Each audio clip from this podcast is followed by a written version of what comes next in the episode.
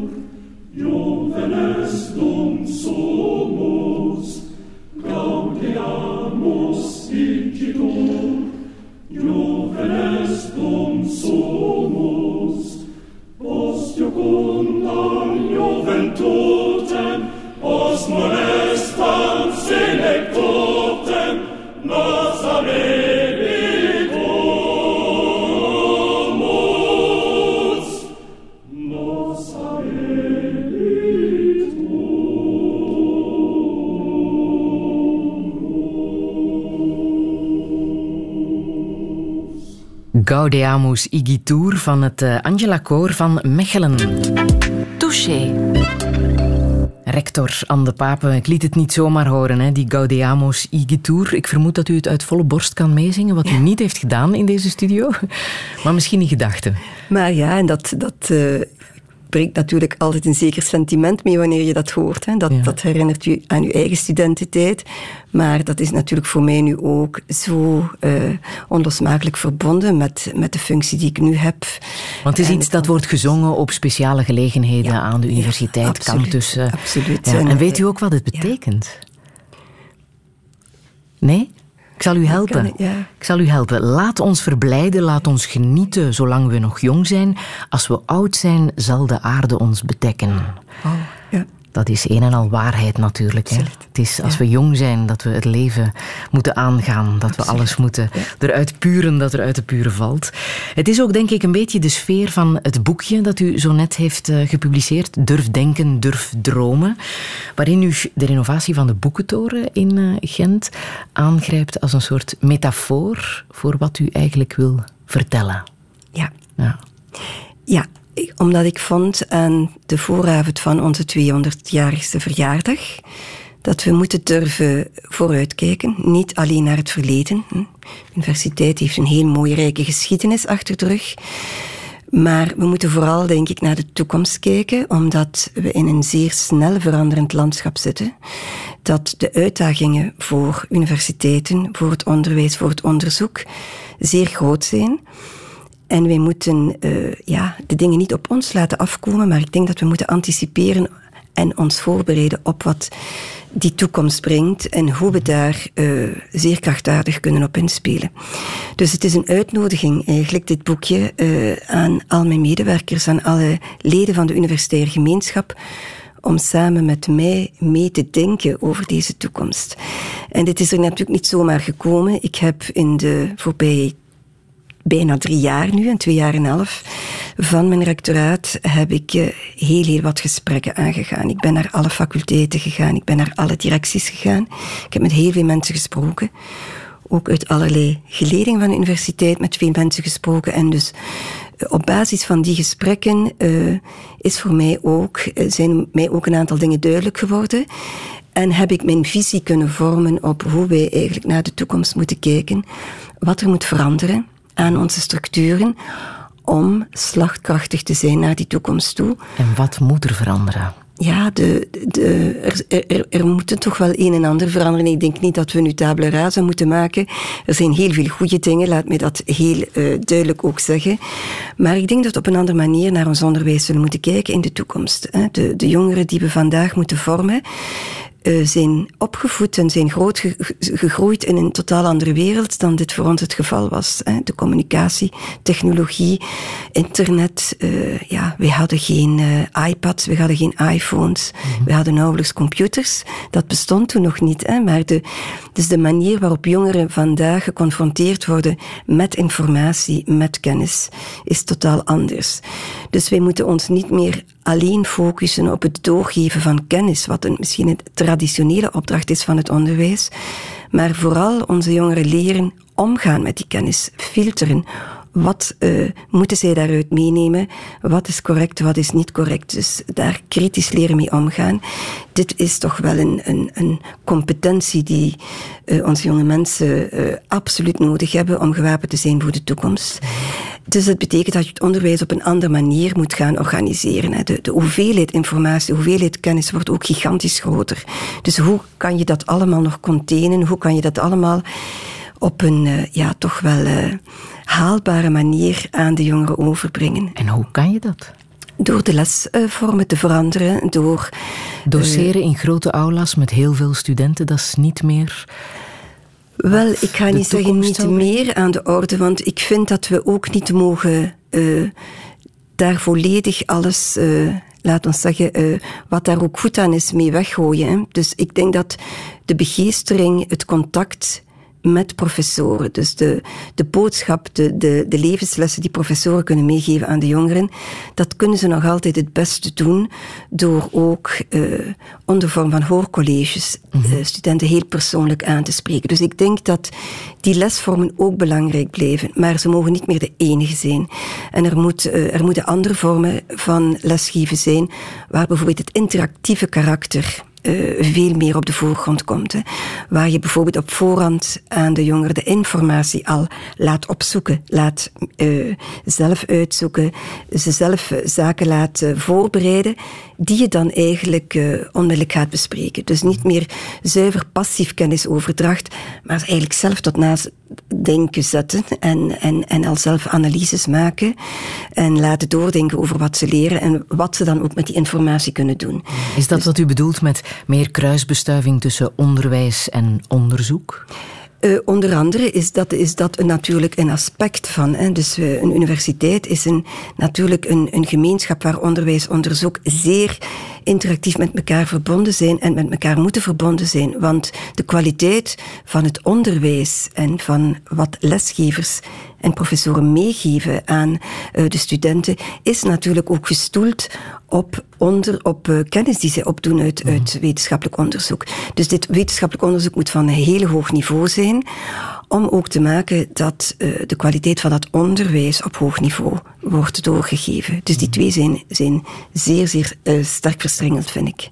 U wil de studenten ook echt opleiden tot wereldburgers. Daar legt u echt de nadruk op. Hè? Waarom precies? Ja, ik leg daar de nadruk op omdat ik vind dat wij vandaag weg moeten van dat uh, ja, lokale, dat provinciale klimaat dat er nog te veel is in Vlaanderen.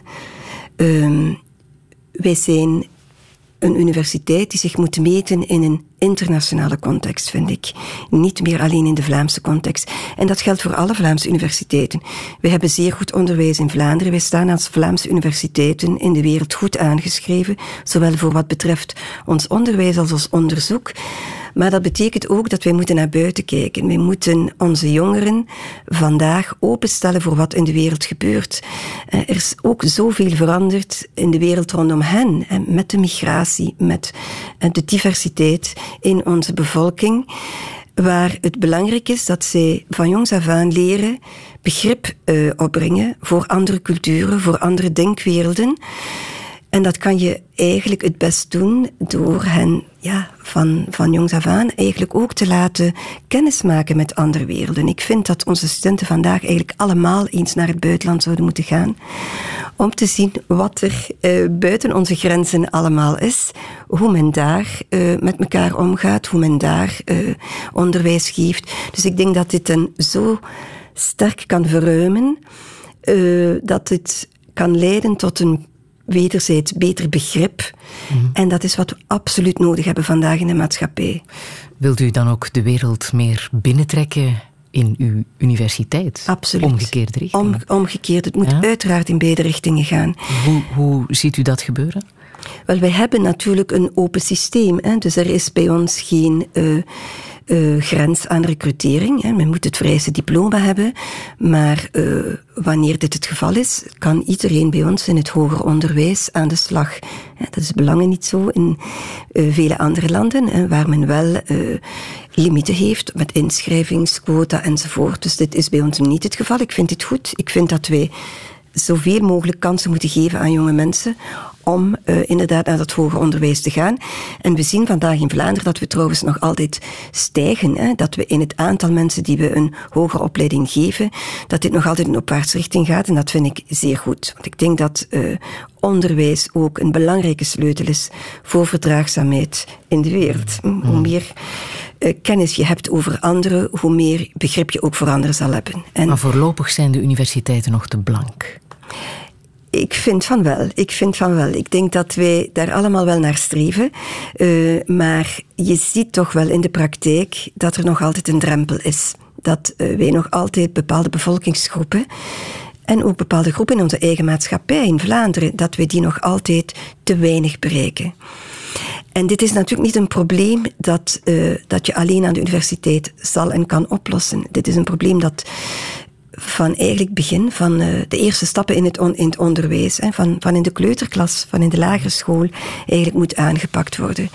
Waar uh, het evident is dat jongeren die van thuis uit gestimuleerd worden om te leren om uh, naar school te gaan, om zoveel mogelijk kennis op te doen, dat die een stapje voor hebben. En dat niet iedereen die thuisomgeving heeft, waar dit belangrijk gevonden wordt en waar dit gestimuleerd wordt. En ik vind dat wij als maatschappij een absolute verantwoordelijkheid en opdracht hebben om zoveel mogelijk van onze jongeren die kansen te geven. En daar wil ik echt ook voor ijveren. Als het gaat over uitwisseling, zal de brexit invloed hebben op de werking van de universiteit? Wel, ik hoop het niet. Hè. Dit is natuurlijk moeilijk te voorspellen op dit ogenblik. We hebben samenwerkingen met, uh, met Engelse universiteiten. Ja. Uh, dit is, dit is uh, iets wat ik hoop we verder zullen kunnen zetten. op individueel instellingsniveau denk ik niet dat we daar direct een impact zullen hebben. Maar ik kan me voorstellen ja, dat er misschien wel financiële drempels zullen kunnen zijn, bijvoorbeeld, die zullen maken dat minder studenten naar België zullen komen vanuit Nederland, hè, vanuit Engeland dus uh, ja, de gevolgen daarvan zijn op dit ogenblik denk ik toch nog niet uh, helemaal te overzien, maar uh, daar moeten we wel rekening mee houden. Mhm. En als het gaat over de toekomst van de universiteit, wil u ook echt dat die relevant is voor de maatschappij. Hè? Het is niet zomaar een universiteit. Die universiteit moet de wereld mee helpen beter maken. Hè? Absoluut, ja. Dit, dit uh, heb ik inderdaad ook uh, sterk beklemtoond. Omdat ik vind dat we weg moeten uh, van dat ivoren toren imago van de universiteit. Dat er nog te veel aanwezig is. Mm -hmm. Een universiteit heeft een absolute maatschappelijke rol te vervullen. Uh, die moet nog meer naar buiten komen in een aantal gevallen. Uh, ik denk dat uh, wat betreft de, het onderzoeksresultaten bijvoorbeeld, dus onderzoek dat we realiseren, we doen dat niet zomaar om onderzoek te doen, hè, alleen om kennis te verzamelen.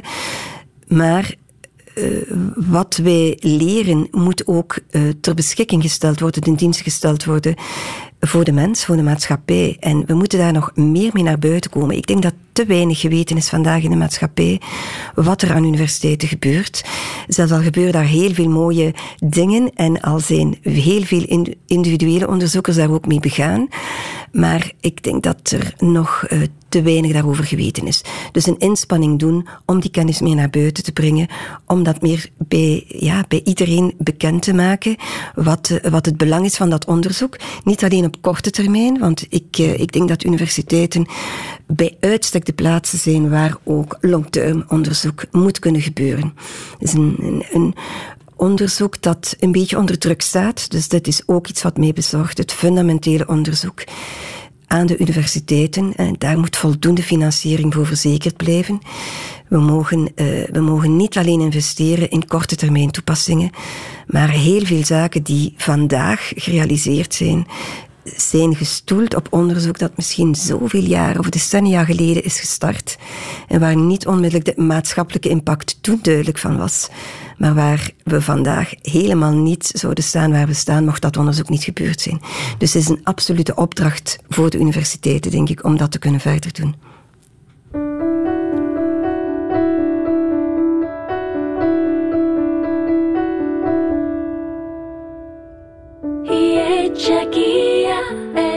Jackie eh, and Jackie string and eh, Jackie eh, and Jackie bouvier till her wedding day. Shots rang out. The police came mom laid me on the front lawn and prayed for Jackie's strength. Feeling old by 21, never thought my day would come. My bridesmaids getting laid. I pray for Jackie's me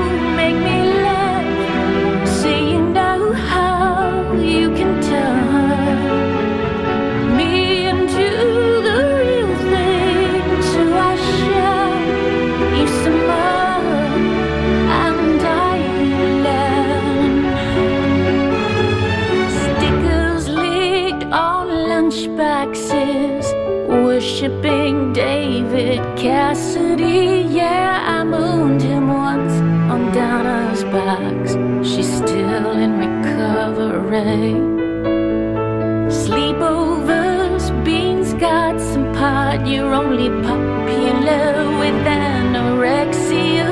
So I turn myself inside out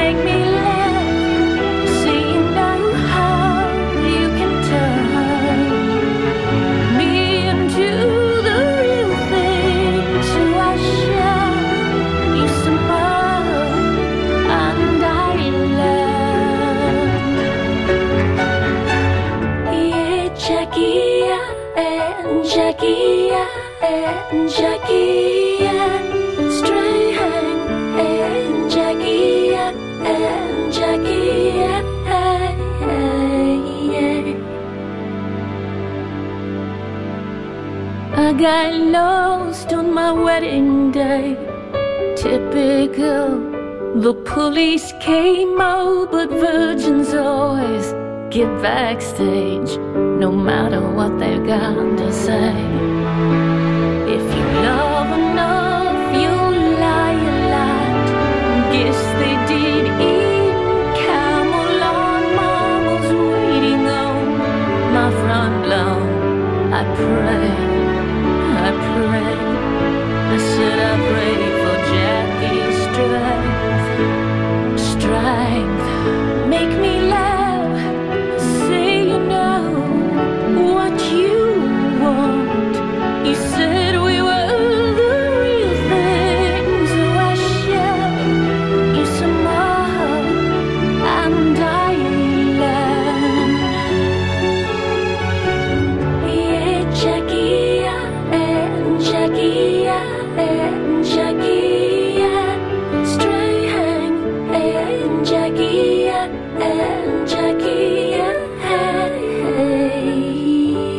Tori Amos met Jackie Strength.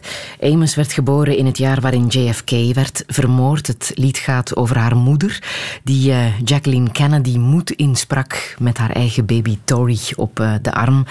Aan de papen, u was een meisje van acht toen JFK werd vermoord. Inderdaad. En dat weet u nog. Dat is een Ja. bijzonder moment geweest in uw leven. Dat is een moment dat ik me heel goed herinner uit mijn jeugd, omdat eh, ja, ik, eh, ik herinner me dat wij eh, voor de beeldbuis gekluisterd waren. Mijn moeder, mijn zus en ik. eh verbijsterd eigenlijk over ja, wat voor ons toch een, een eerste echte confrontatie was met, met geweld en wat mensen durven doen. Iemand zomaar vermoorden, dat was, dat was echt ja, een, een, een schok eigenlijk. eh, dat dit mogelijk was. Hè. Goed, vandaag de dag, denk ik, zijn we met allerlei geweld geconfronteerd. eh, wordt het bijna als ja, dagelijks nieuws ervaren. Maar ik denk dat toen op dat moment dat, dat toch nog wel minder zo was. En wij, ja, wij daar absoluut... toch wel, ja, dat is toch iets wat me heel erg is bijgebleven. Dat, Iets waar ook werd over gepraat bij jullie thuis? Ja, absoluut, absoluut. Ja, Er was een cultuur zeker, van ja. discussie Ja, ten huize zeker, de papen. Absoluut, absoluut, Ja? en wie bracht die op gang? Ja, oh, dat, eh, dat konden wij allemaal zijn. Mijn vader, mijn moeder eh, of de kinderen. eh. Mhm. Ik heb een, ja, een heel mooie herinnering aan mijn jeugd. Aan mijn Ja? jeugdjaren thuis, absoluut. Waaraan denkt u dan? Een, een heel warme thuis. Een, een thuis waar mijn beide ouders eh, zeer open stonden, inderdaad, voor, voor dialoog, voor, eh, voor allerlei eh, gesprekken zonder, zonder taboe. En waar zij ook enorm hebben gedrukt op het feit dat wij alle kansen moesten krijgen. En dat is, dat is iets waar ik mijn ouders enorm dankbaar voor ben. Dat zij nooit uh, getwijfeld hebben aan uh, ja, enige vorm van ondersteuning whatsoever wanneer het erop aankomt om naar het buitenland te gaan, om een reis te kunnen doen, om een cursus te gaan volgen, om, uh, ja, om iets te kunnen doen dat bijdroeg aan onze ontplooiing. Hebben zij zelf ook de kansen gegrepen? Absoluut. Ze hebben allebei uh, universitaire studies gedaan en uh, hebben allebei heel wat uh, gerealiseerd, denk ik, mm -hmm. in hun leven. Ik ben heel fier op mijn ouders. ze zijn voor mij twee grote inspirators, elk op hun, op hun manier. En uh, ze hebben on, ons ontegensprekelijk heel veel menselijke waarden ook bijgebracht, die ze zelf ook belangrijk vonden in hun leven. Dus uh, ja, ik denk, uh, zijn allebei spijtig genoeg overleden. Mm -hmm. Maar ik denk nog elke dag aan hen. Ja, uw vader heeft echt een topcarrière gemaakt hè, als secretaris-generaal van het ministerie Openbare Werken. Inderdaad, ja. ja. Daar ja. kijkt u ook echt naar op, dat hij het ja. zo ver heeft gebracht. Ja, want mijn, ik, ik herinner me mijn vader natuurlijk ook als iemand die zeer hard werkte, zeer gedreven was, maar ook een zeer integere en rechtschapen man was. En dit, uh, ondanks zijn grote carrière, ook altijd ten alle tijden is uh, als motto in zijn leven heeft blijven aangrijpen. Altijd heel eenvoudig en bescheiden is gebleven. En dat is uh, een voorbeeld waar ik me wil aan spiegelen. Ja. Uw moeder heeft dan weer misschien eerder haar carrière opzij gezet voor het juist, gezin. Juist. Mijn moeder heeft, uh, heeft farmacie gestudeerd, maar eigenlijk achteraf gezien, uh, denk ik, heeft ze dat meer gedaan uit, plichtsbesef dan dat dat eigenlijk haar absolute keuze was. Ze kwam uit een apothekersgezin. Ze was de oudste dochter en uh, was een hele goede studente. En uh, het was zo ja, een, beetje, beetje voor de hand liggend dat ze ook in die richting zou gaan. Maar eigenlijk was mijn moeder iemand die enorm hield van talen, van literatuur. Dus dat zij, ik, ik heb mijn moeder altijd weten talen studeren. Zij kon ook zeven, acht talen. ze had een, een, een enorme aanleg ook voor talen. En zij heeft... Uh, ze hadden ook een, een gave om te schrijven, een, een gave om, voor ja, verwoording. Uh, zij heeft op die manier mijn vader heel veel geholpen ook. En zij was de, sterke vrouw mm -hmm. achter de man, als ik dat zo mag zeggen. Uh, zij, zij, heeft ook de opvoeding. Mijn vader was natuurlijk heel veel, door zijn beroep, heel veel afwezig. Maar zij heeft uh, op het thuisfront eigenlijk altijd uh, alles in handen genomen en was een, was een ongelooflijke steun. En dat heeft mij ook altijd geleerd dat wanneer je, wanneer je ja, zo intensief met je carrière bezig bent, dat je dit alleen maar kan doen als je ook een sterke steun hebt in je omgeving. Hè. Dat is essentieel. Dit is een realisatie die je met twee doet. En uh, als partner, als koppel, als team. En dat teamwerk heb ik echt wel thuis gezien en geleerd. Hoe moeilijk uh, was het afscheid uh, van hen? Oh, onvoorstelbaar moeilijk. Mm -hmm. Ja, voor mijn moeder. Dubbel zo moeilijk omdat u natuurlijk arts bent. Hè? En als het gaat ja. over ziekte, um, voelt u zich alleen maar machteloos, denk ik. Ja. Voor mijn moeder was dat een, uh, een heel pijnlijke ervaring omdat ik op het ogenblik dat ze zich niet goed voelde, dat ze vage klachten had, als arts zijnde zelf in het UZ met haar uh, meegegaan ben naar het onderzoek. Dus een, hersenscan die ze moest hebben.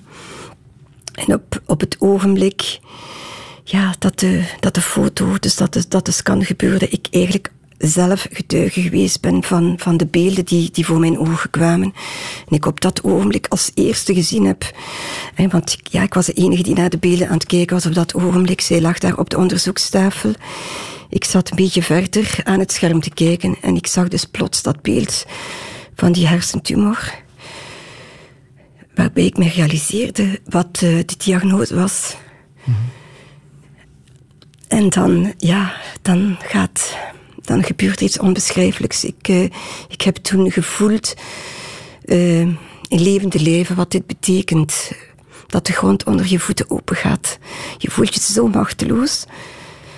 Je realiseert je plots ja, dat iets overvalt je dat, uh, ja, dat, dat je niet kan bestrijden, dat, dat sterker is dan jezelf Bovendien kwam op dat ogenblik, en dat is ook een moment dat ik nooit ga vergeten, kwam er een collega, radioloog, toevallig voorbij. Die keek naar die beelden.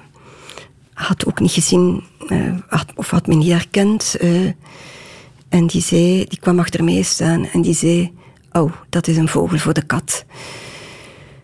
Vreselijk moment. Dat is wat ik van mijn leven nooit zal vergeten. Mhm. En dan moet je natuurlijk, uh, het moment daarna, je moet je sterk houden. Je moet terug naar je moeder gaan.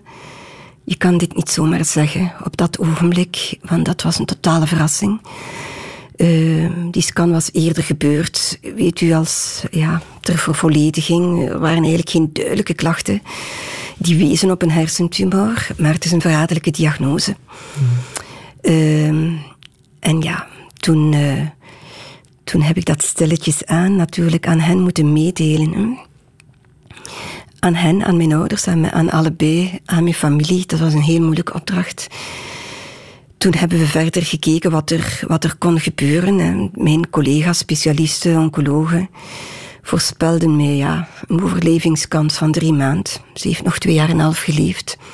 Dus je ziet dat ja, het allemaal zo relatief is. We hebben nog twee, tweeënhalf heel mooie jaren met haar gehad. Het is in feite maar...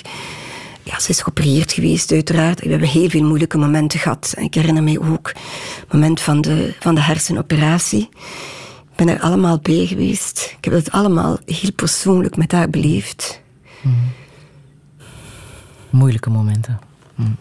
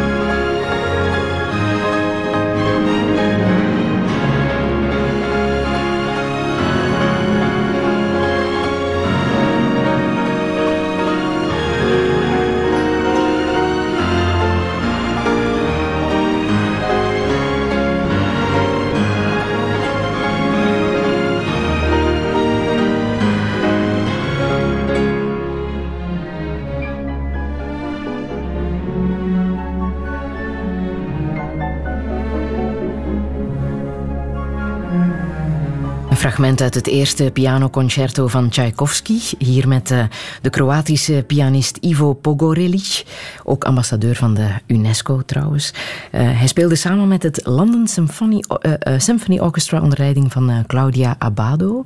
Anne de Pape, dit orkest heeft u in Londen zien spelen, hè? Absoluut, ja. Ik heb een jaar in Londen gewoond.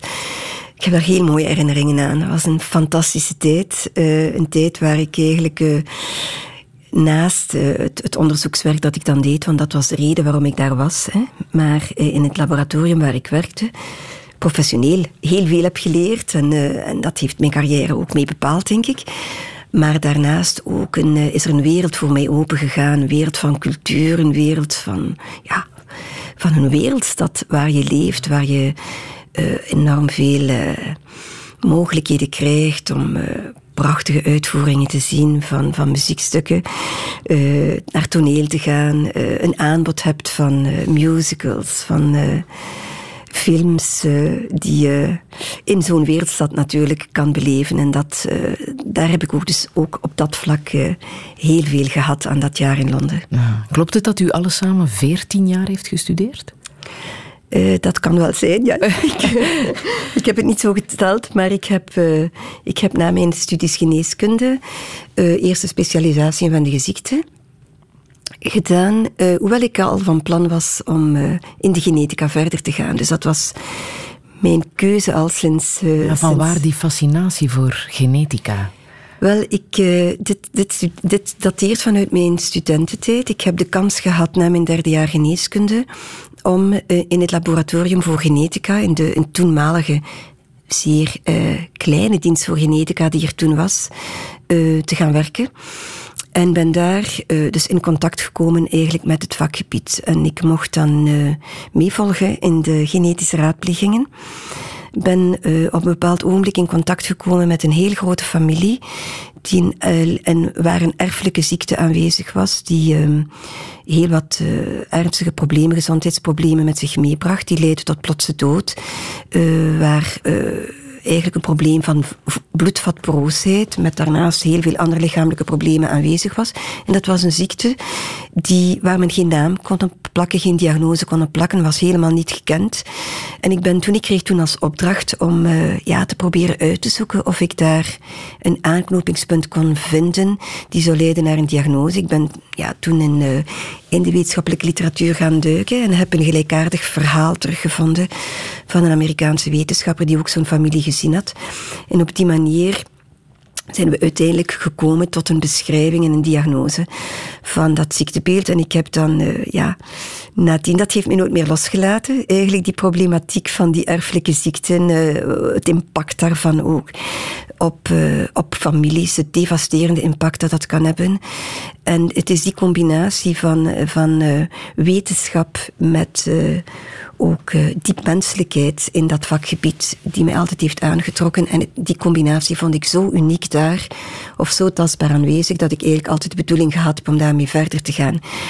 Maar op het moment dat ik afstudeerde als arts, uh, en dat is trouwens nog altijd zo, was genetica geen afzonderlijk specialisme, geen erkend specialisme. Vandaar dat men mijn promotor mee aanraadde van toch, uh, ja, doe toch maar eerst een andere klinische specialisatie.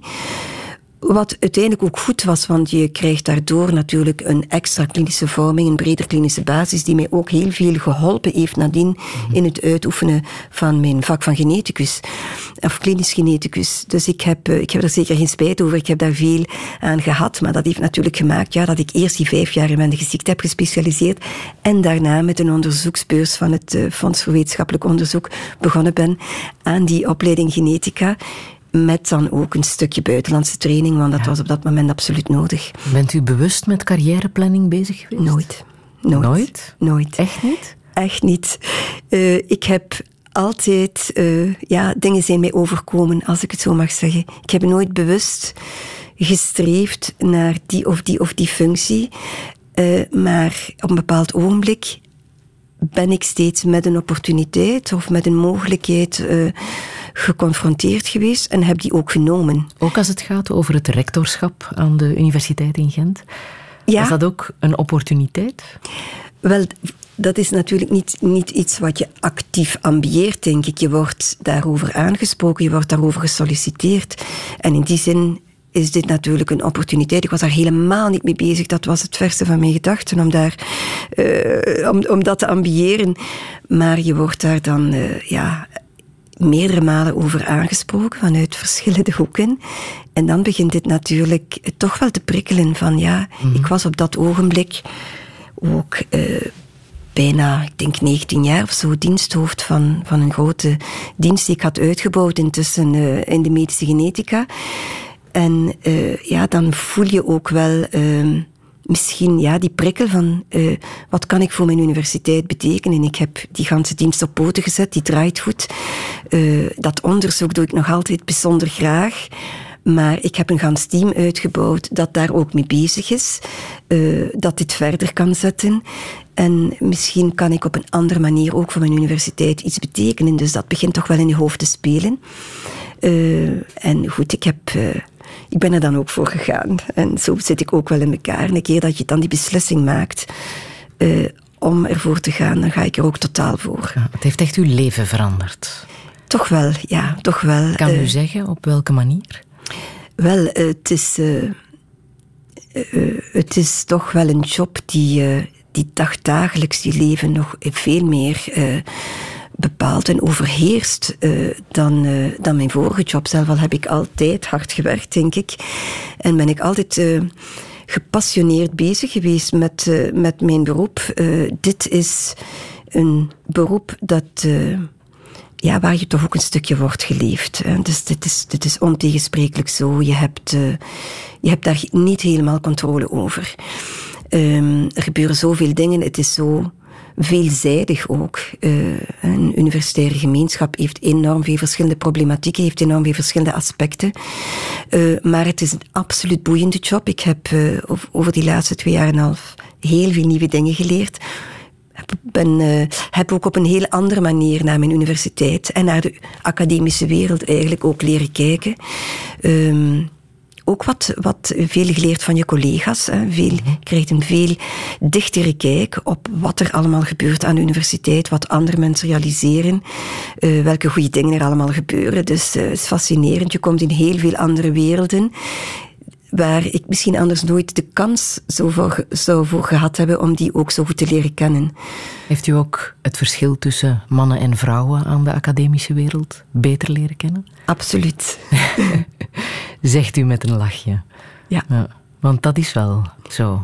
Dat is wel Het is zo. nog altijd een heel mannelijke ja. wereld. Ja, zelfs al is het numeriek niet meer zo. Uh, ik denk uh, in de feiten uh, is het zeker, zeker op bepaalde niveaus nog altijd uh, een beetje een mannenwereld. Hmm. Maar er wordt aan gewerkt. Hè? U krijgt een vrouwelijke collega aan de VUB. Ook daar komt een uh, vrouwelijke rector aan het hoofd, Caroline Pauwels. Zal dat helpen om uh, de dingen te veranderen? Er is ontegensprekelijk een evolutie aan de gang, dus dat voel ik wel. En gelukkig groeien meer en meer uh, collega's, vrouwelijke collega's ook nu door naar leidinggevende functies.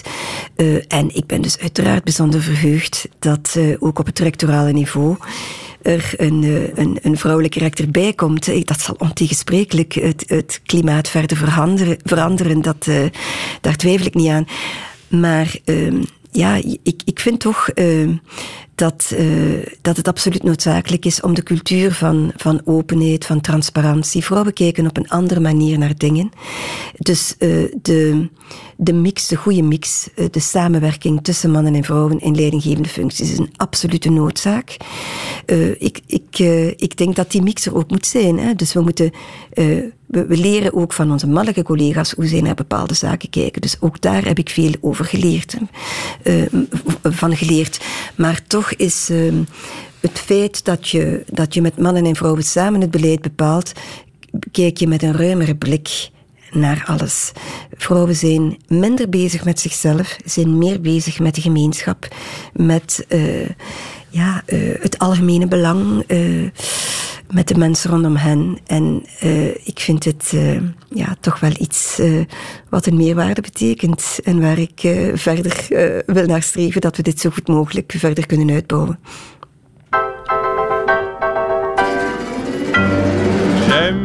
Flâner sur les grands boulevards. Il y a tant de choses, tant de choses, tant de choses à voir.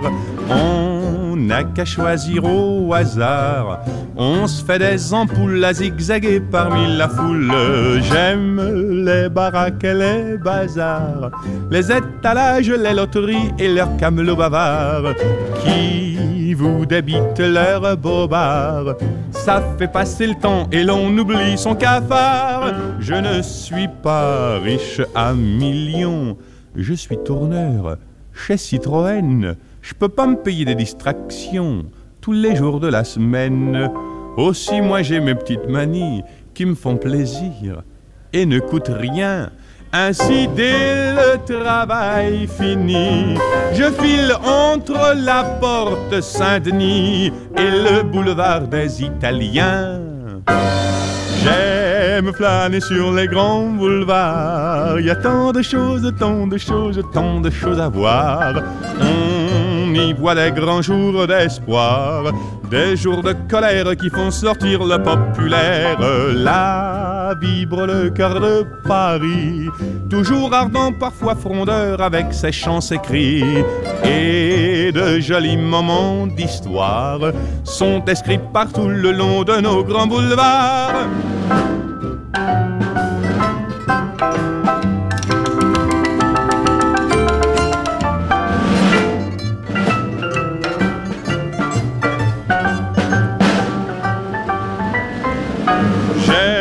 Flâner sur les grands boulevards. L'espoir d'été quand tout le monde aime bien se coucher tard. On a des chances d'apercevoir deux yeux angéliques que l'on suit jusqu'à République. Puis je retrouve mon petit hôtel. Ma chambre ou ma fenêtre donne sur un coin du ciel, d'où me parvient comme un appel toutes les rumeurs, toutes les lueurs du monde enchanteur des grands boulevards.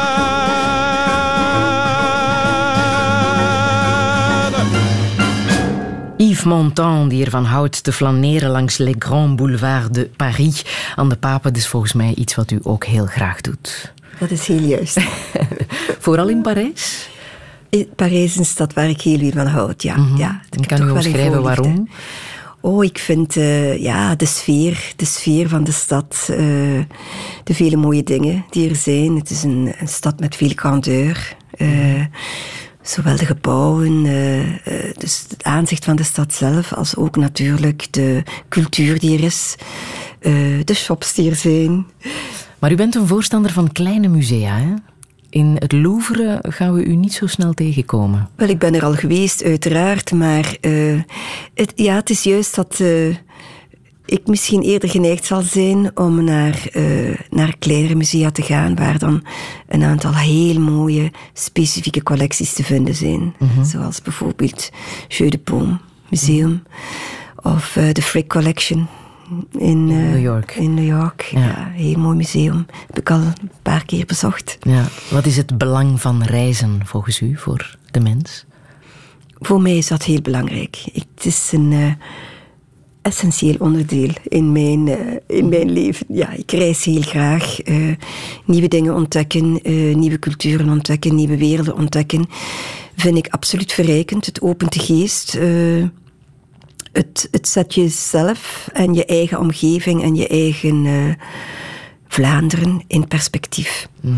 In groter perspectief, ja. Maar dat zoekt u niet alleen in de steden, hè? ook de natuur trekt u aan. Hè? U bent ook een natuurliefhebber. Absoluut. Hoe ver ja, gaat dat? Ja, ja, ja uh, en dat is, het is een passie die ik met mijn man deel. Uh, dus wij kunnen heel, uh, heel erg genieten bijvoorbeeld van, van mooie natuurdocumentaires.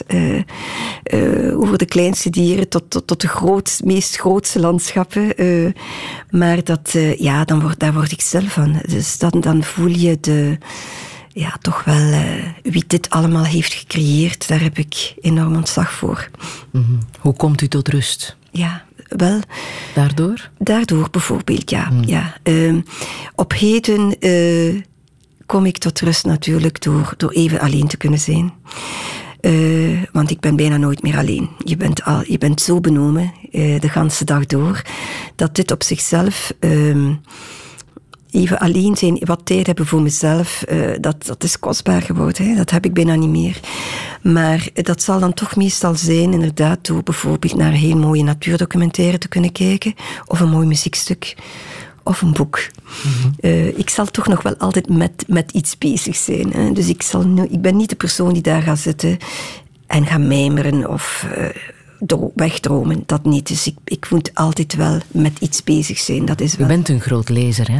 Ik ben een grote lezer, met ja. een uh, grote voorliefde voor biografieën. Ja, ja, ja. Ik, ik vind dat ik veel te weinig tijd heb op dit ogenblik om te lezen, maar ik heb uh, zeker vanaf, vanaf mijn jongste jaren heb ik, heb ik heel veel uh, boeken verslonden tot stukken in de nacht waar ik uh, ja, vaak door mijn ouders dan uh, op het matje werd geroepen omdat ik veel, veel te lang in mijn bed bleef lezen.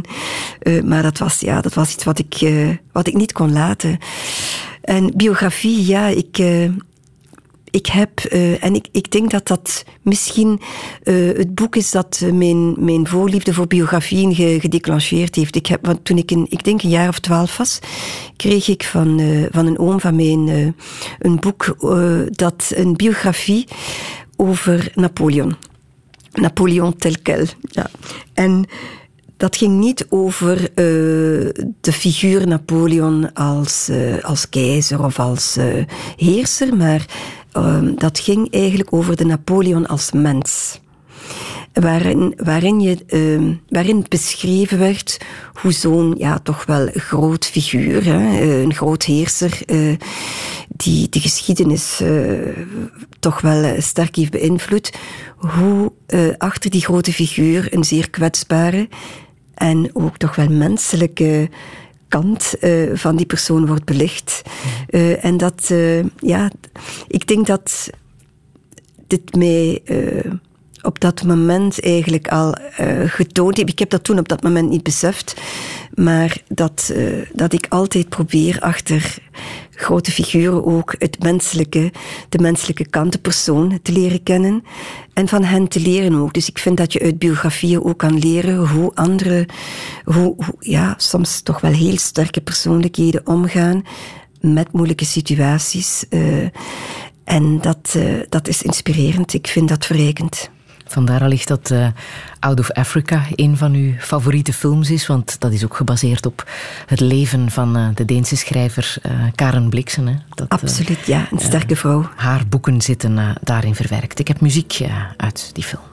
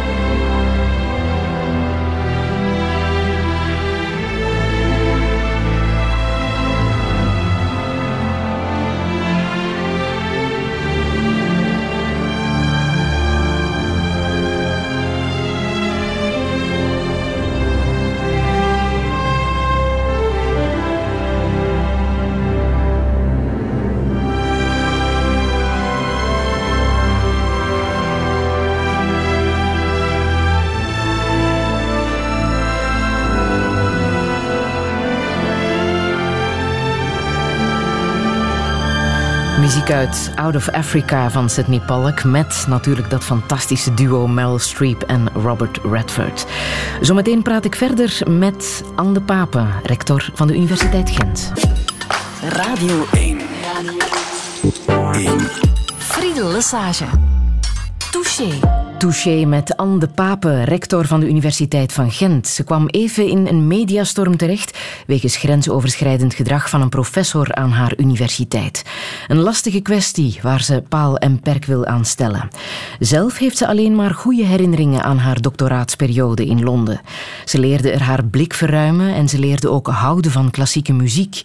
Een carrièreplanning heeft ze nooit gehad. Het zijn haar impulsen die haar jaren geleden gedreven hebben tot succesvol diensthoofd van de afdeling en drie jaar geleden tot rector van de Gentse Universiteit.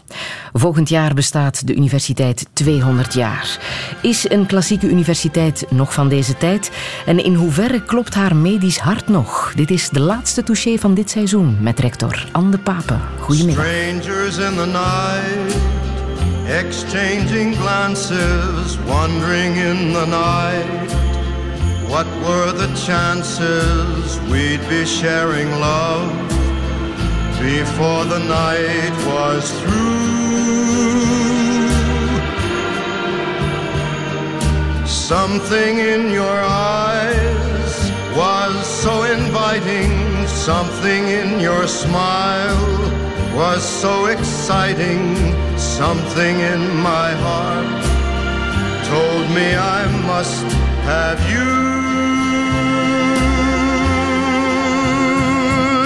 Strangers in the night, two lonely people, we were strangers in the night. Up to the moment when we said our first hello, little did we know Love was just a glance away, a warm embracing dance away. And ever since that night, we've been together, lovers at first sight. In love forever, it turned out so right for strangers in the night.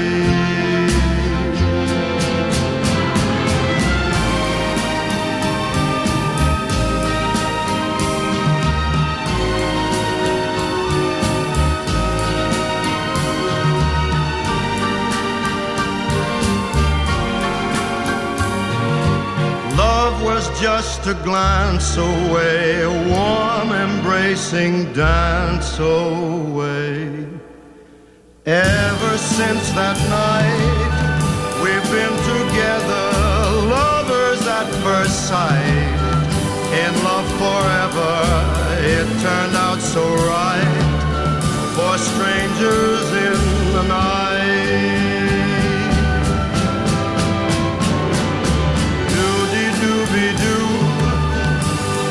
Frank Sinatra en Strangers in the Night. Anne de Papa, altijd goed hè, Frank Sinatra op zondagmiddag. Absoluut, ja. Dat is muziek waar ik kan van genieten. Ja? Ik vind dat een heel mooi lied, ja. En hangt daar nog een herinnering aan vast? Of, een uh... tijdloos lied. Uh, niet specifiek, maar goed, het is bijvoorbeeld een, eh, een lied waar ik met mijn man graag een keer op zal dansen. Eh, dus dat, ja, voor mij is dat toch wel geassocieerd met, met romantiek. En uh, af en toe mag dat ook wel eens. Ja, Zeker, want uh, de voorbije weken zijn niet makkelijk voor u geweest en voor uw universiteit. Uh, toen kwam de universiteit in het nieuws vanwege grensoverschrijdend uh, gedrag door een professor aan de faculteit Letteren en Wijsbegeerte. En dit hoorden we in het nieuws. De Universiteit Gent neemt extra maatregelen tegen ongewenst seksueel gedrag. Onlangs hebben enkele doctoraatstudenten geklaagd over een professor aan de faculteit Letteren en Wijsbegeerte. De universiteit voelt dat haar procedures nog niet volstaan. Daarom stelt ze nu een externe commissie aan die de procedures onder de loep zal nemen en waar mogelijk bijsturen. Touché. Anne de Pape, er komt dus een externe commissie uh, om het probleem te helpen oplossen. Maar is dat voldoende? Want ik las op de website van Apache dat er 13 klachten van seksuele intimidatie en machtsmisbruik door de bewuste professor zijn, maar geen enkele formele klacht is ingediend. Zit daar niet het probleem? Inderdaad, uh, ik denk dat het uh, reële probleem is in de taboesfeer die er nog altijd hangt rond dat soort uh, gedrag en dat soort misbruiken. Dat, dat natuurlijk, ik wil, ik wil toch eerst wel zeggen dat ik natuurlijk heel spijtig vind dat de universiteit op die manier in het nieuws komt, omdat ja, het, het, het misconduct van enkelen eigenlijk de, de vele goede dingen die er gebeuren aan de universiteit toch wel heeft overschaduwd. Hè. Dus ik wil toch wel benadrukken dat in de overgrote meerderheid van uh, de werknemers uh, dat die zich allemaal correct gedragen en dat daar geen problemen mee zijn. Maar er zijn natuurlijk een aantal mensen waar er wel problemen mee zijn, die inderdaad grensoverschrijdend gedrag vertonen, dat op verschillende vlakken kan liggen. En daar kan natuurlijk geen enkele plaats voor zijn. Hè. Dus dit is absoluut ontoelaatbaar in welke vorm ook. En het is duidelijk dat de feiten die nu aan het licht zijn gekomen tonen dat uh, dit uh, aan het licht brengen, dit aan de oppervlakte brengen, dit transparant maken, dit durven melden, dat daar nog een, een grote rem op zit, dat daar nog een ganse taboesfeer hangt. En het is die die we moeten doorbreken. Hè. Dus er moet een klimaat van vertrouwen komen, waarbij mensen zich niet meer geremd voelen, niet meer angstig voelen om daarover uh, naar hun leidinggevende te gaan. En hoe komt dat dat dat nu zo is, dat de bewuste slachtoffers geen formele klacht durven in te dienen? Ja, waarom, waarom zij dat niet doen, uh, natuurlijk kan ik me niet over uitspreken. Hè. Dus dat, dat, dat is uh, uh, aan de individuele personen om daarover te oordelen. Maar ik denk meer algemeen gezien wijst het erop dat zij toch wel schrik hebben dat wanneer zij gaan melden, dat dit een negatieve invloed zou kunnen hebben op hun verdere carrière-mogelijkheden, op hun verdere doorgroeimogelijkheden. En het is dat absoluut dat weg moet natuurlijk. Dus die, uh, ja, als dat al zo zou zijn, uh, mag dit ab absoluut niet gebeuren. Maar ook de angst, de perceptie daar rond moet absoluut weggenomen worden. En dat kunnen we alleen maar doen door duidelijk te tonen dat uh, wanneer mensen bepaalde problemen vaststellen, uh, dat zij in alle openheid de kans moeten krijgen om die te melden, zodanig dat die kunnen aangepakt worden. En dat ze daarvoor niet zullen afgestraft worden, maar dat, dat dit dus absoluut op een correcte manier moet kunnen en in een vertrouwenssfeer moet kunnen. En we hebben natuurlijk de kanalen wel aan de universiteit om dat te doen. Hè. Dat wil ik toch wel benadrukken. Ik denk, zoals aan elke universiteit, zijn er, is er een kader, is er ook een wettelijk kader. Er zijn ombudspersonen in de faculteit, er zijn vertrouwenspersonen. Uh, ook bij ons specifieke aan de universiteit hebben wij een cel psychosociaal welzijn, die een aantal opdrachten heeft, een aantal mogelijkheden heeft om in die sfeer hè, eh, dergelijke problemen aan te pakken volgens een bepaald wettelijk kader. We hebben daar bovenop, wat zelfs niet een werk, wettelijke verplichting is, ook vertrouwenspersonen bij wie uh, meldingen kunnen gebeuren. Maar we zijn natuurlijk ook gebonden aan dat wettelijk kader. En dat mag men niet vergeten. Hè. Wanneer mensen niet uit uh, de anonimiteit willen treden, wanneer mensen niet uit het vertrouwenssfeer willen treden, dan kan die vertrouwenspersoon ook niet veel meer doen dan uh, de personen bijstaan, ondersteunen, uh, het bespreekbaar maken, uh, ze bijstand geven. Maar je kan wanneer er geen formele klacht is, kan je natuurlijk niet naar tuchtcommissie of naar een hogere instantie. Dus daarvoor moet die anonimiteit opgegeven worden. En dat is voor veel, voor veel mensen blijkbaar nog een probleem. Dus wij moeten zoeken naar, uh, ja, toch nog wel uh, uh, versterkende maatregelen om die schrik weg te nemen rond dat ze zich veilig voelen. Hè, ja, om want dat, het onveiligheid dat er nu klacht is. in te dienen. Ja. En goed, er zijn ook, ik heb ook andere situaties meegemaakt waar dat, waar, waar dat wel hebben kunnen doen. Hè. Dus dit mhm. is een, een specifieke situatie waar uh, die angst heel diep geworteld zit in die specifieke omgeving daar, uh, in die faculteit of in, in dat stuk van die faculteit. Want die faculteit uh, telt natuurlijk vele vakgroepen.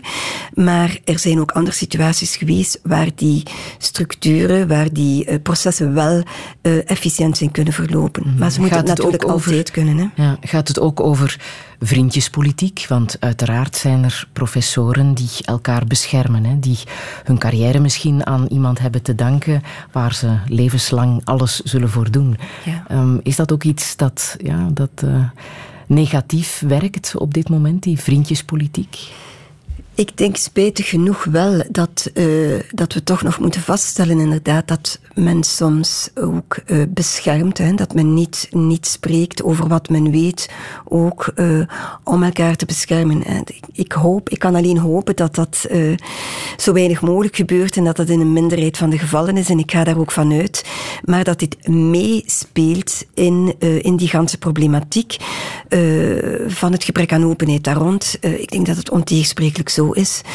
We moeten ons ook uh, bewust zijn van het feit dat wanneer je in een, dus in een academisch milieu is, uh, is natuurlijk een heel competitief milieu. Het is een heel hard milieu. Het is een zeer, zeer sterk competitief milieu waar uh, men moet opboksen om carrière te maken tegen anderen, waar dus uiteraard ook Russisch vetes af en toe voorkomen. Eh, personen die elkaar niet met elkaar om kunnen, die, niet met, uh, die elkaar uh, ja, eigenlijk niet, uh, niet appreciëren. Dat is zo. Dus die, die dingen spelen allemaal mee. Het is een wereld van mensen. Hè. Het zijn mensen zoals iedereen. En ik denk dat dat ook niet exclusief in de academische wereld, maar dat je dat ook wel in andere milieus ziet, spijtig genoeg. Een ander aspect daarin uh, dat, dat we niet mogen vergeten, en een aantal collega's hebben dat ook in een, in een uh, opiniestuk heel, heel uh, goed aangekaart, denk ik, dat wanneer je als academicus in een... Je kan een heel goed onderzoeker zijn, hè, een, een, een, een, een heel sterke academicus zijn op bepaald vlak, maar je mag daar niet automatisch van uitgaan dat elke academicus ook een goede coach is, ook een goede leidinggevende is. En voor mij zal ook, denk ik, dat aspect in de vorming van onze mensen, eh, in de coaching van onze leidinggevenden, meer moeten benadrukt worden. Dat hoe ga je om met een zekere uh, machtspositie die je hebt wanneer je bijvoorbeeld in een relatie bent, promotor, doctorandus, ja, dan heb je een hiërarchische verhouding. En elke hiërarchische verhouding is een risico op misbruik van die verhouding. Hoe, uh, ja, hoe, hoeveel mensen er ook zijn die, daar, die dat niet doen, hè, laat me mhm. dat toch vooral benadrukken, uh, die dat ook niet doen. Maar in sommige situaties komt dat wel voor. En het is die ganse competitieve sfeer, het is die hiërarchische verhouding die er automatisch is, waar je als doctorandus uiteraard zwakker staat, die ook maakt dat die dingen af en toe uh, toch wel misbruikt worden en gebeuren. En maar er zijn ook faculteiten die werken met begeleidingscommissies, hè, en niet met één promotor ten opzichte van één doctorandus. Dus dat lijkt mij ook al een veel Zeker. gematigder manier om, om samen te werken. Zeker, in de meeste gevallen is dat zo. En uh, je moet ook onderscheid maken tussen uh, disciplines waar men bijvoorbeeld heel veel zaken in team gaat doen. Hè, waar on onderzoeksgebeuren in een laboratorium gebeurt, in een, in een team, waar heel veel mensen dagdagelijks moeten samenwerken en waar je dus misschien ergens een grotere sociale controle hebt uh, dan in disciplines waar veel meer het individuele werk van de academicus op de voorgrond staat en waar je dus niet altijd die sociale controle hebt van de omgeving. En ik denk dat dit ook hier in deze problematiek een factor is die we, waar we rekening moeten mee houden. En dat is mijn bedoeling nu met die externe commissie, om enerzijds dat, uh, ja, de bestaande kanalen die er zijn, toch wel te versterken. Want we zien dat ze in een aantal gevallen ontoereikend zijn. En ik denk dat deze uh, spijtige situatie dit toch wel heeft getoond, dat ondanks het feit dat we met vertrouwenspersonen werken, dat die mensen ook maar binnen het kader kunnen werken. En dat die mensen doen heel hard hun best en doen, doen heel veel goed, denk ik, uh, en werken zeer hard daaraan, maar ze hebben ook maar de middelen die ze hebben. Dus de, het ganse klimaat omkeren. En naast ook de, de structuren, het ganse klimaat, de bewustwording, uh, mensen alerter maken voor risicosituaties, zodat ze sneller aangepakt worden. Dat zijn ook allemaal zaken, denk ik, die we daaruit kunnen leren. En waar we nu met, uh, met die externe commissie uh, maatregelen gaan uitwerken om, om dat klimaat van openheid, van transparantie op alle mogelijke manieren te bevorderen. Het is helaas ook geen alleenstaand Vorig jaar is er aan de VUB al een uh, professor uh, in de problemen gekomen omwille van uh, datzelfde, ja, die seksuele intimidatie. vorige vrijdag is een professor aan de Universiteit van Antwerpen aangehouden in een pedofiliezaak. Um, ja, dat zijn ernstige, belastende verhalen hè, die aan een universiteit beginnen te kleven. Dit is absoluut chockerend, uiteraard. Uh, waarschijnlijk van alle tijden. Maar uh, vandaag is er toch, het wijst er toch ergens op. Uh, en als, als we dan misschien één positieve boodschap mogen meenemen uit, ja, uit al die ernstige feiten, dat is dat ik alleen maar kan hopen dat dit erop wijst dat er toch ergens wel wat meer openheid aan het komen is. En dat het feit dat dit nu naar boven komt alleen maar zal uh, bijdragen tot het creëren van die grotere openheid. -hmm. uh, het, is, het is heel duidelijk en dat, dat hoor ik ook constant als, als commentaar en als reactie daarop. Vroeger gebeurden die dingen ook, maar ze bleven totaal onder de radar. Hè. Universiteiten kwamen veel minder naar buiten natuurlijk, waren veel meer ivoren toors. Laat ons duidelijk zijn dat dit zeker zo was vroeger. Dus die dingen bleven allemaal duidelijk binnenskamers onder de radar. Nu komt gelukkig dit wat meer naar boven. En het feit ja, dat dit nu een aantal keer uh, heel duidelijk is naar boven gekomen, creëert misschien de perceptie uh, dat in een universiteit uh, die dingen legio zijn.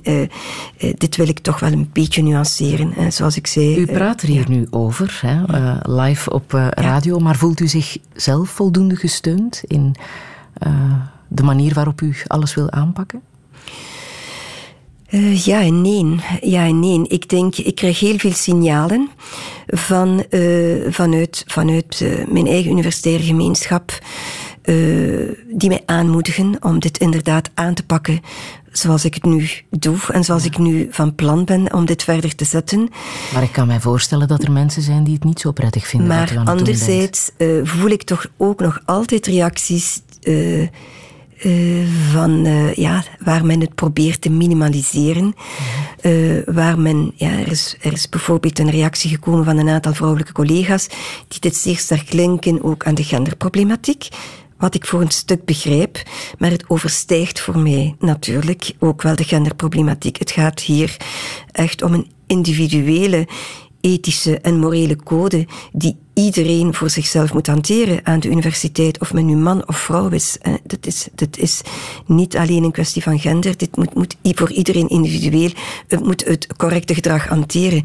Maar je voelt wel dat die, ook die bewustwording en uh, uh, ja, het durven erkennen van het probleem, dat dit ook nog wel wat werk zal vragen. En in die zin ja, ja en nee. Hè.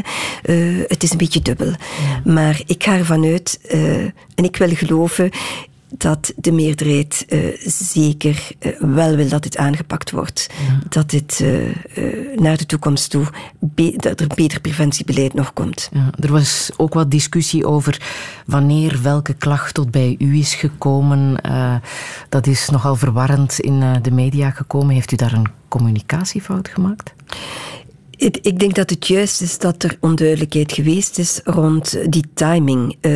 maar ik vind het spijtig, omdat dit natuurlijk de aandacht, op dat men op die manier de aandacht van het reële probleem wou uh, verleggen. Voorleggen en uh, dat we dat daar natuurlijk uh, niet mogen op ingaan, omdat het reële probleem moet aangepakt worden. En goed, ik, wat, wat kan ik daarover zeggen? Ja, ik ben daardoor overvallen met die vraag van weet u daarover? Ik, ik kon mij absoluut niet de exacte datum herinneren van de eerste melding, maar ik weet wel dat het me heel veel tijd en moeite gekost heeft.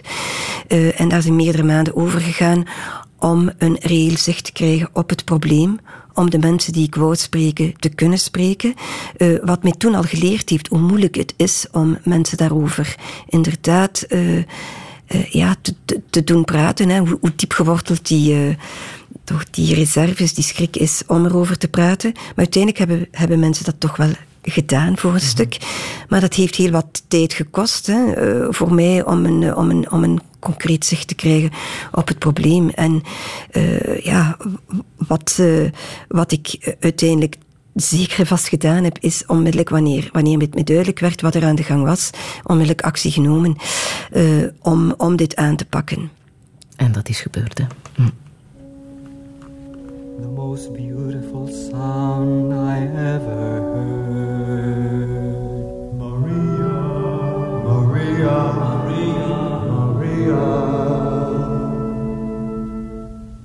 All the beautiful sounds of the world in a single word. Maria, Maria, Maria, Maria, Maria, Maria. I've just met a girl named Maria, and suddenly that name will never be the same to me. Maria. I've just kissed a girl named Maria, and suddenly I found how wonderful a sound can be. Maria, say it loud, and there's music playing. Say it soft, and it's almost like praying. Maria, I'll never stop saying. Maria.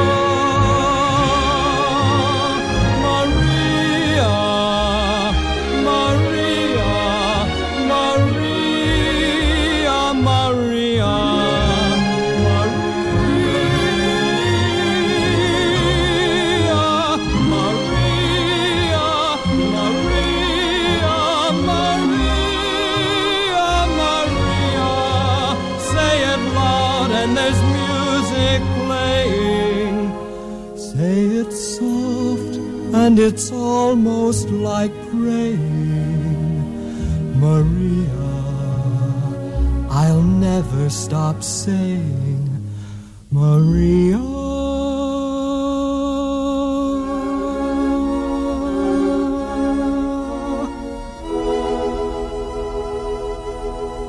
The most beautiful song I ever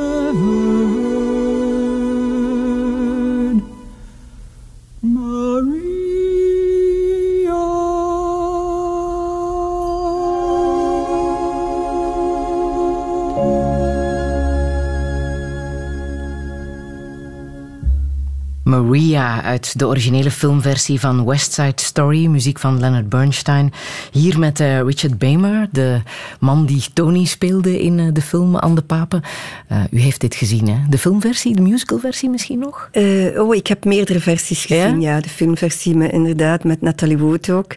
Maar ook verschillende opvoeringen in Londen, in New York ook, van musicalversie, ja. Het is het ultieme liefdeslied, hè?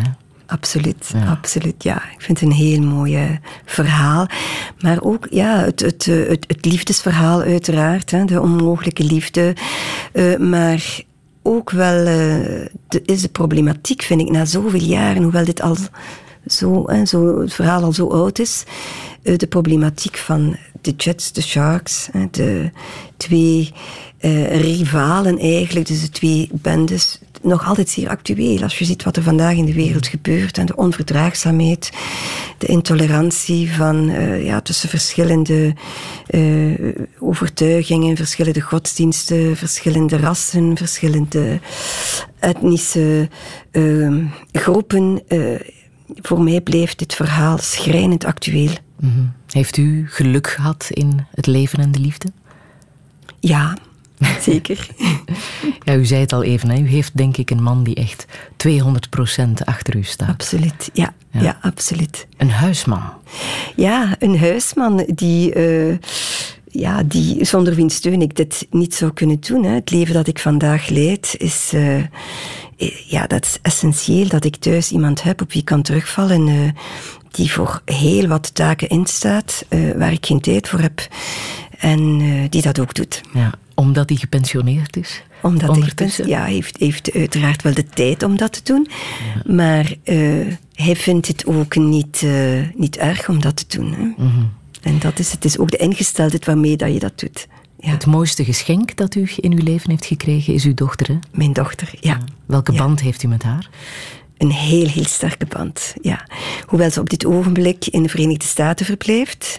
Uh, ja, ze heeft uh, de kans gehad dus om een uh, postdoctorale onderzoek daar verder te zetten. ik heb haar daar absoluut in gestimuleerd. Ik heb het u daar straks al gezegd. Ik vind het zo belangrijk om als jongere eens van een andere cultuur, een andere wereld te kunnen proeven. Dus ik heb haar gezegd, ja, je gaat ervoor. En je blijft daar zolang het nodig is. Eh, ik zal, daar, uh, ik zal je wel komen bezoeken. Ik zal wel altijd een vliegtuig vinden om bij jou te geraken.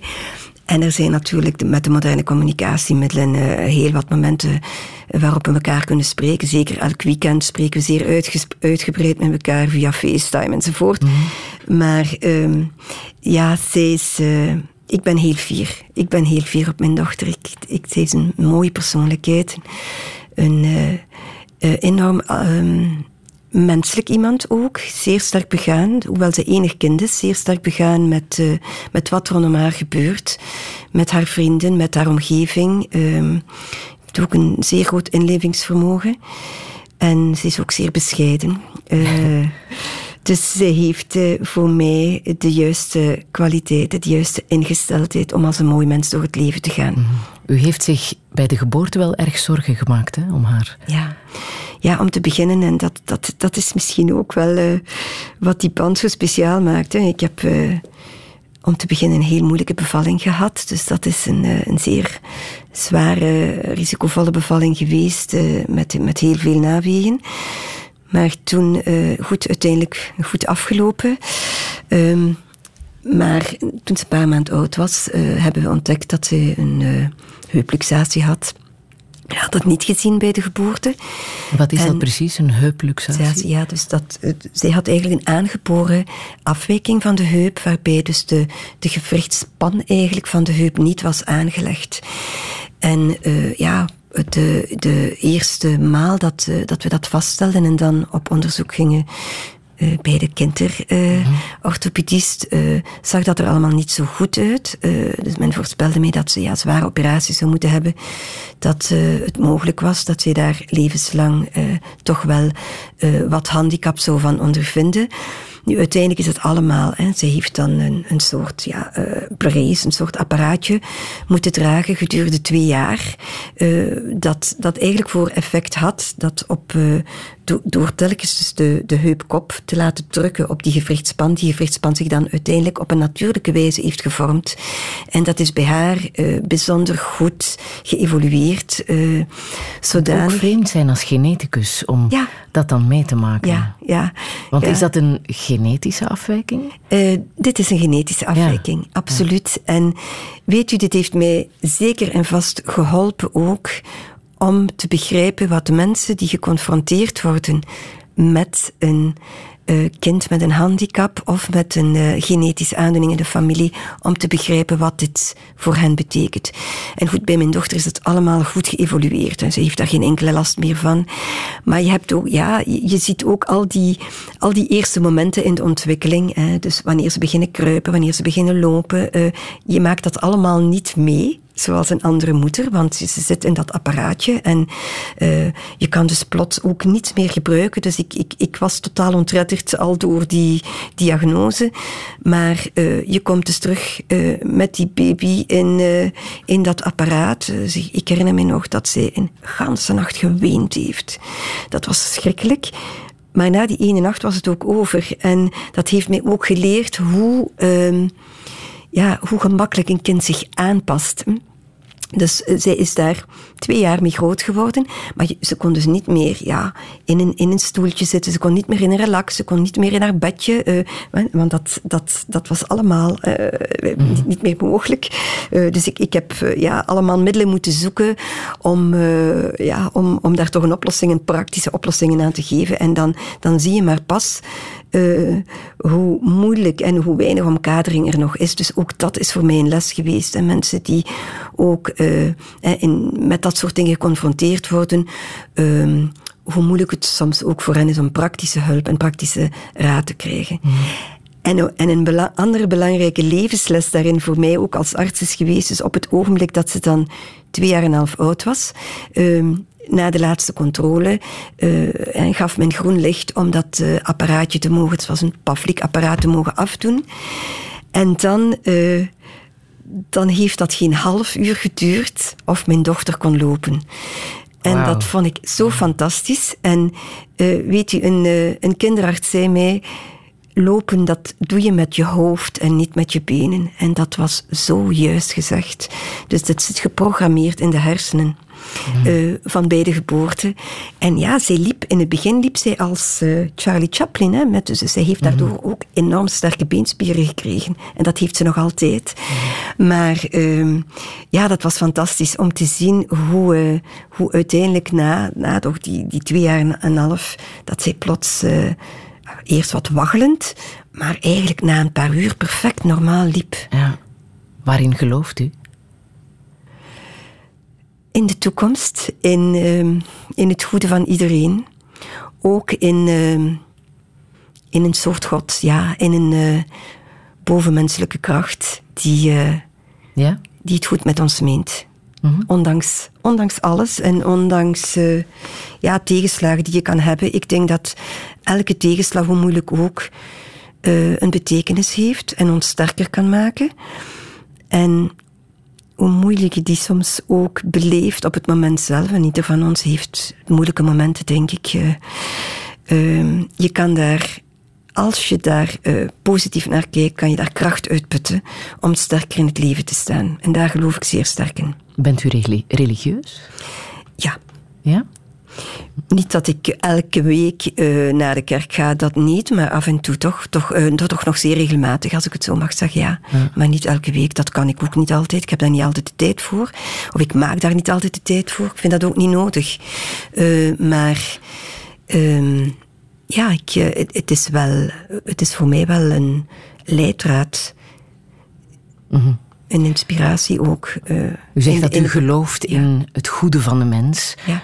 De voorbije weken zijn er inderdaad wel wat dingen gebeurd in het nieuws die iedereen daaraan hebben doen twijfelen. Hè? Ja. Uh, de brexit bijvoorbeeld, ja. uh, het machtsmisbruik aan de universiteit waar u zelf uh, mee geconfronteerd bent geweest, het faillissement van de Optima Bank.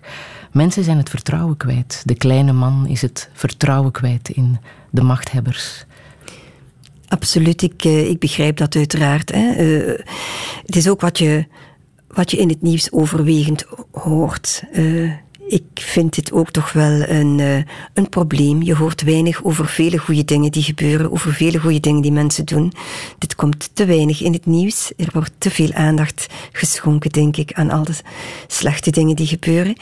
Uh, dus dat, dat geeft, denk ik, soms wel een wat vertekend beeld van de maatschappij. Uh, we, moeten, we moeten blijven geloven in, uh, in, in heel veel goede dingen die de mensen doen. En, en heel veel mensen die het ook nog wel goed menen met elkaar. Mm. Dus daar, daar wil ik absoluut blijven in geloven.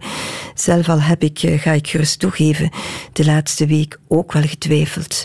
En ook wel mijn vertrouwen verloren in, in een aantal zaken. Dat is, dat is zeker. Maar oké, dit, is een, dit is een moment van, uh, een moeilijk moment, een moment van vertwijfeling dat je moet overstijgen. En, uh, en waar, waar, waar je toch ondanks alles kracht moet uitputten om, uh, om het opnieuw op een positieve manier te zien. En meer dan ooit zelfverzekerd verder te gaan om, om die dingen aan te pakken. En, Vond u het lastig dat de naam van uw broer uh, wordt genoemd, werd genoemd als vertrouweling van uh, uiteraard, de Optima-baas, Piqueur. Dat zoiets in de krant staat. Uiteraard dat is het zo het, is. zeer lastig, omdat daar ja, uiteraard die familiale band is. Hè. Het is je broer. Mm -hmm. Maar voor de rest uiteraard geen enkele professionele of wat ook andere relatie is. En toch linkt men dat aan elkaar en probeert men ja, een uh, soort suggestiviteit te creëren die er niet is. Dus het is altijd heel moeilijk. Hè, omdat, uh, Ook uw naam werd even gesuggereerd in mm. de Optima Vriendschappen. Ja, ja dat is begrijpelijk, denk ik, omdat ik, ja, ik was juist veel in het nieuws gekomen natuurlijk door die zaak van de universiteit. Dus dan wordt je naam ook gebruikt en genoemd.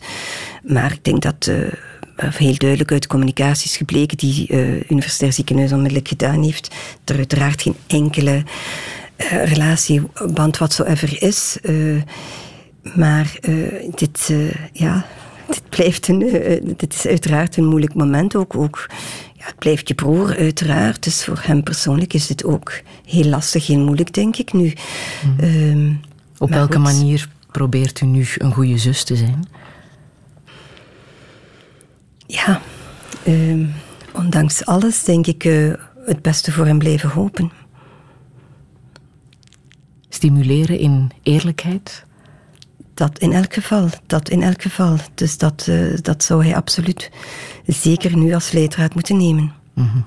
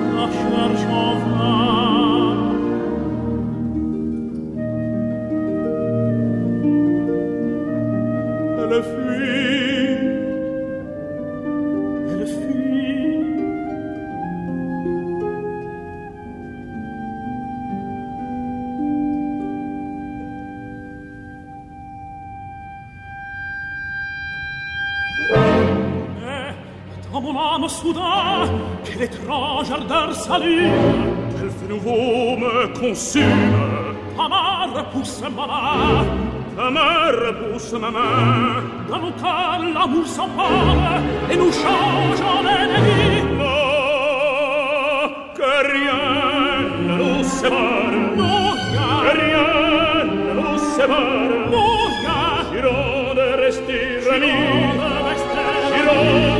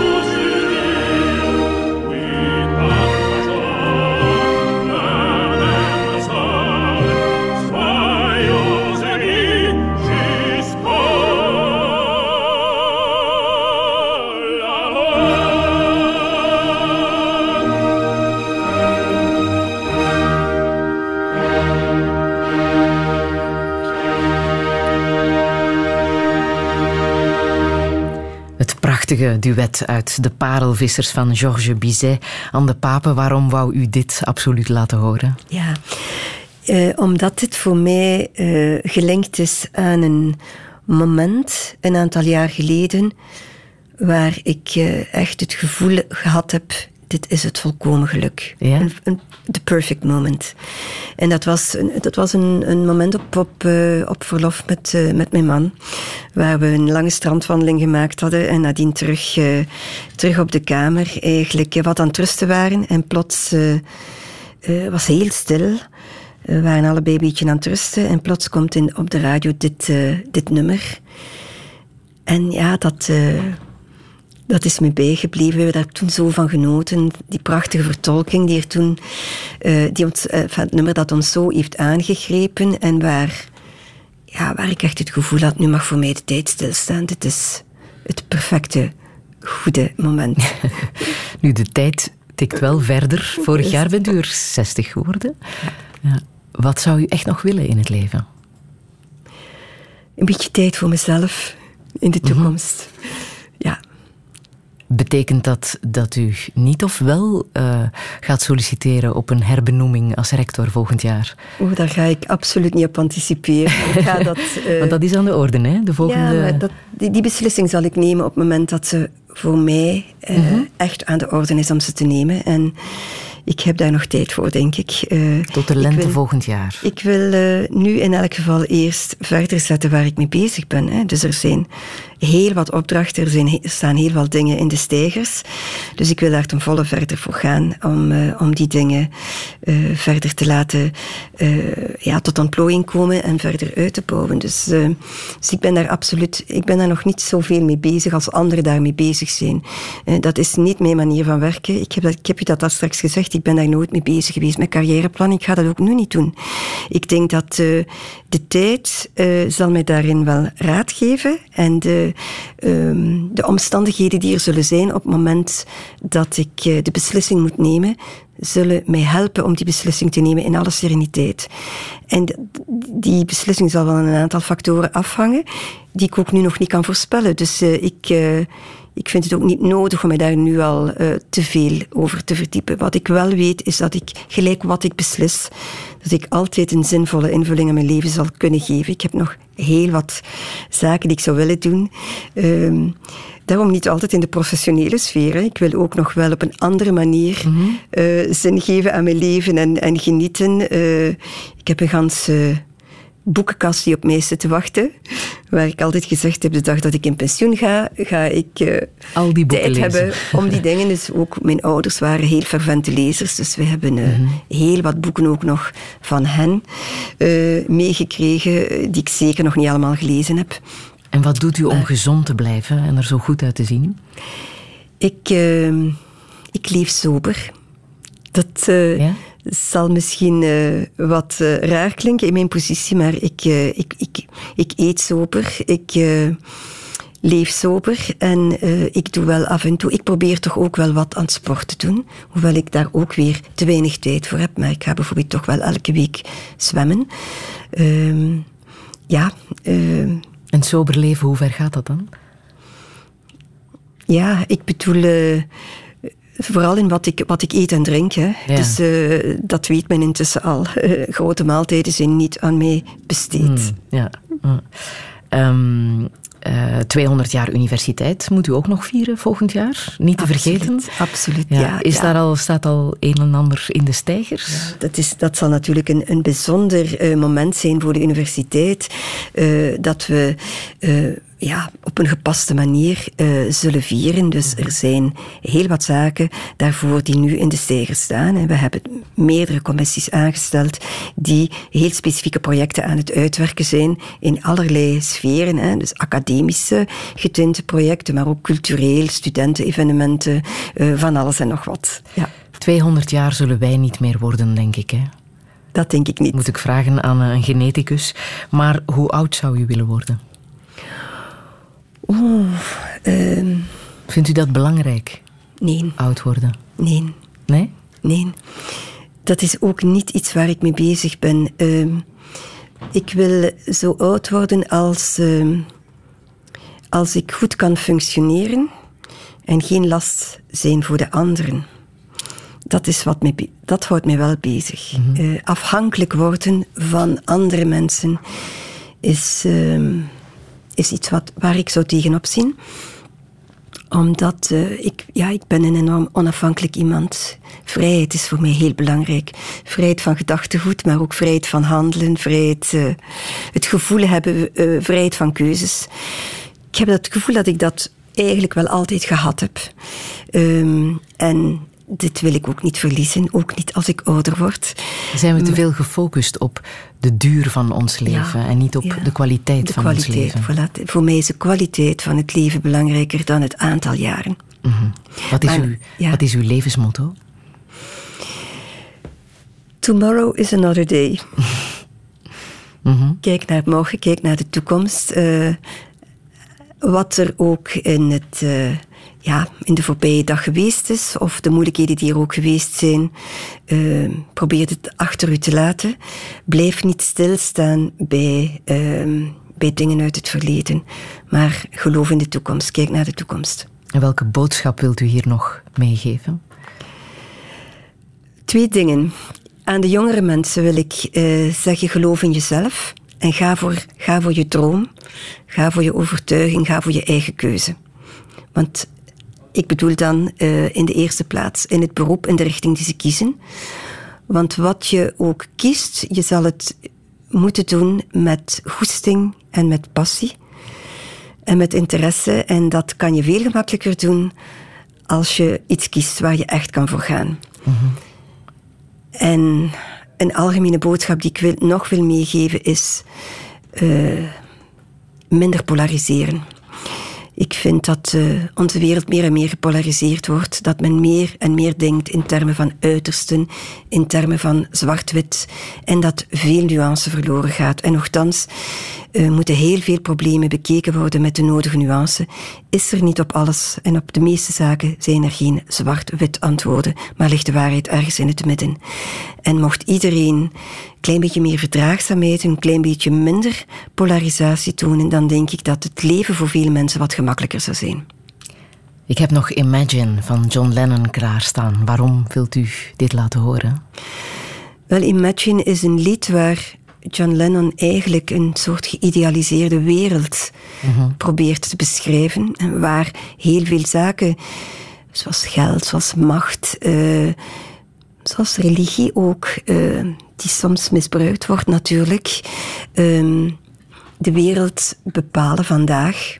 En dat kunnen we niet ontkennen waarin hij zegt, uh, ja, mochten die dingen er niet zijn, dan zou de wereld beter zijn. Dus uh, dat streven, dat, die, dat wens, die boodschap naar die betere wereld, naar die grotere verdraagzaamheid, vind ik heel sterk terug in dit lied. En dit lied doet mij ook denken aan het uh, ja, overlijden recent van een, van een goede vriend, die ook gekozen heeft om dat lied op zijn uitvaart te laten spelen.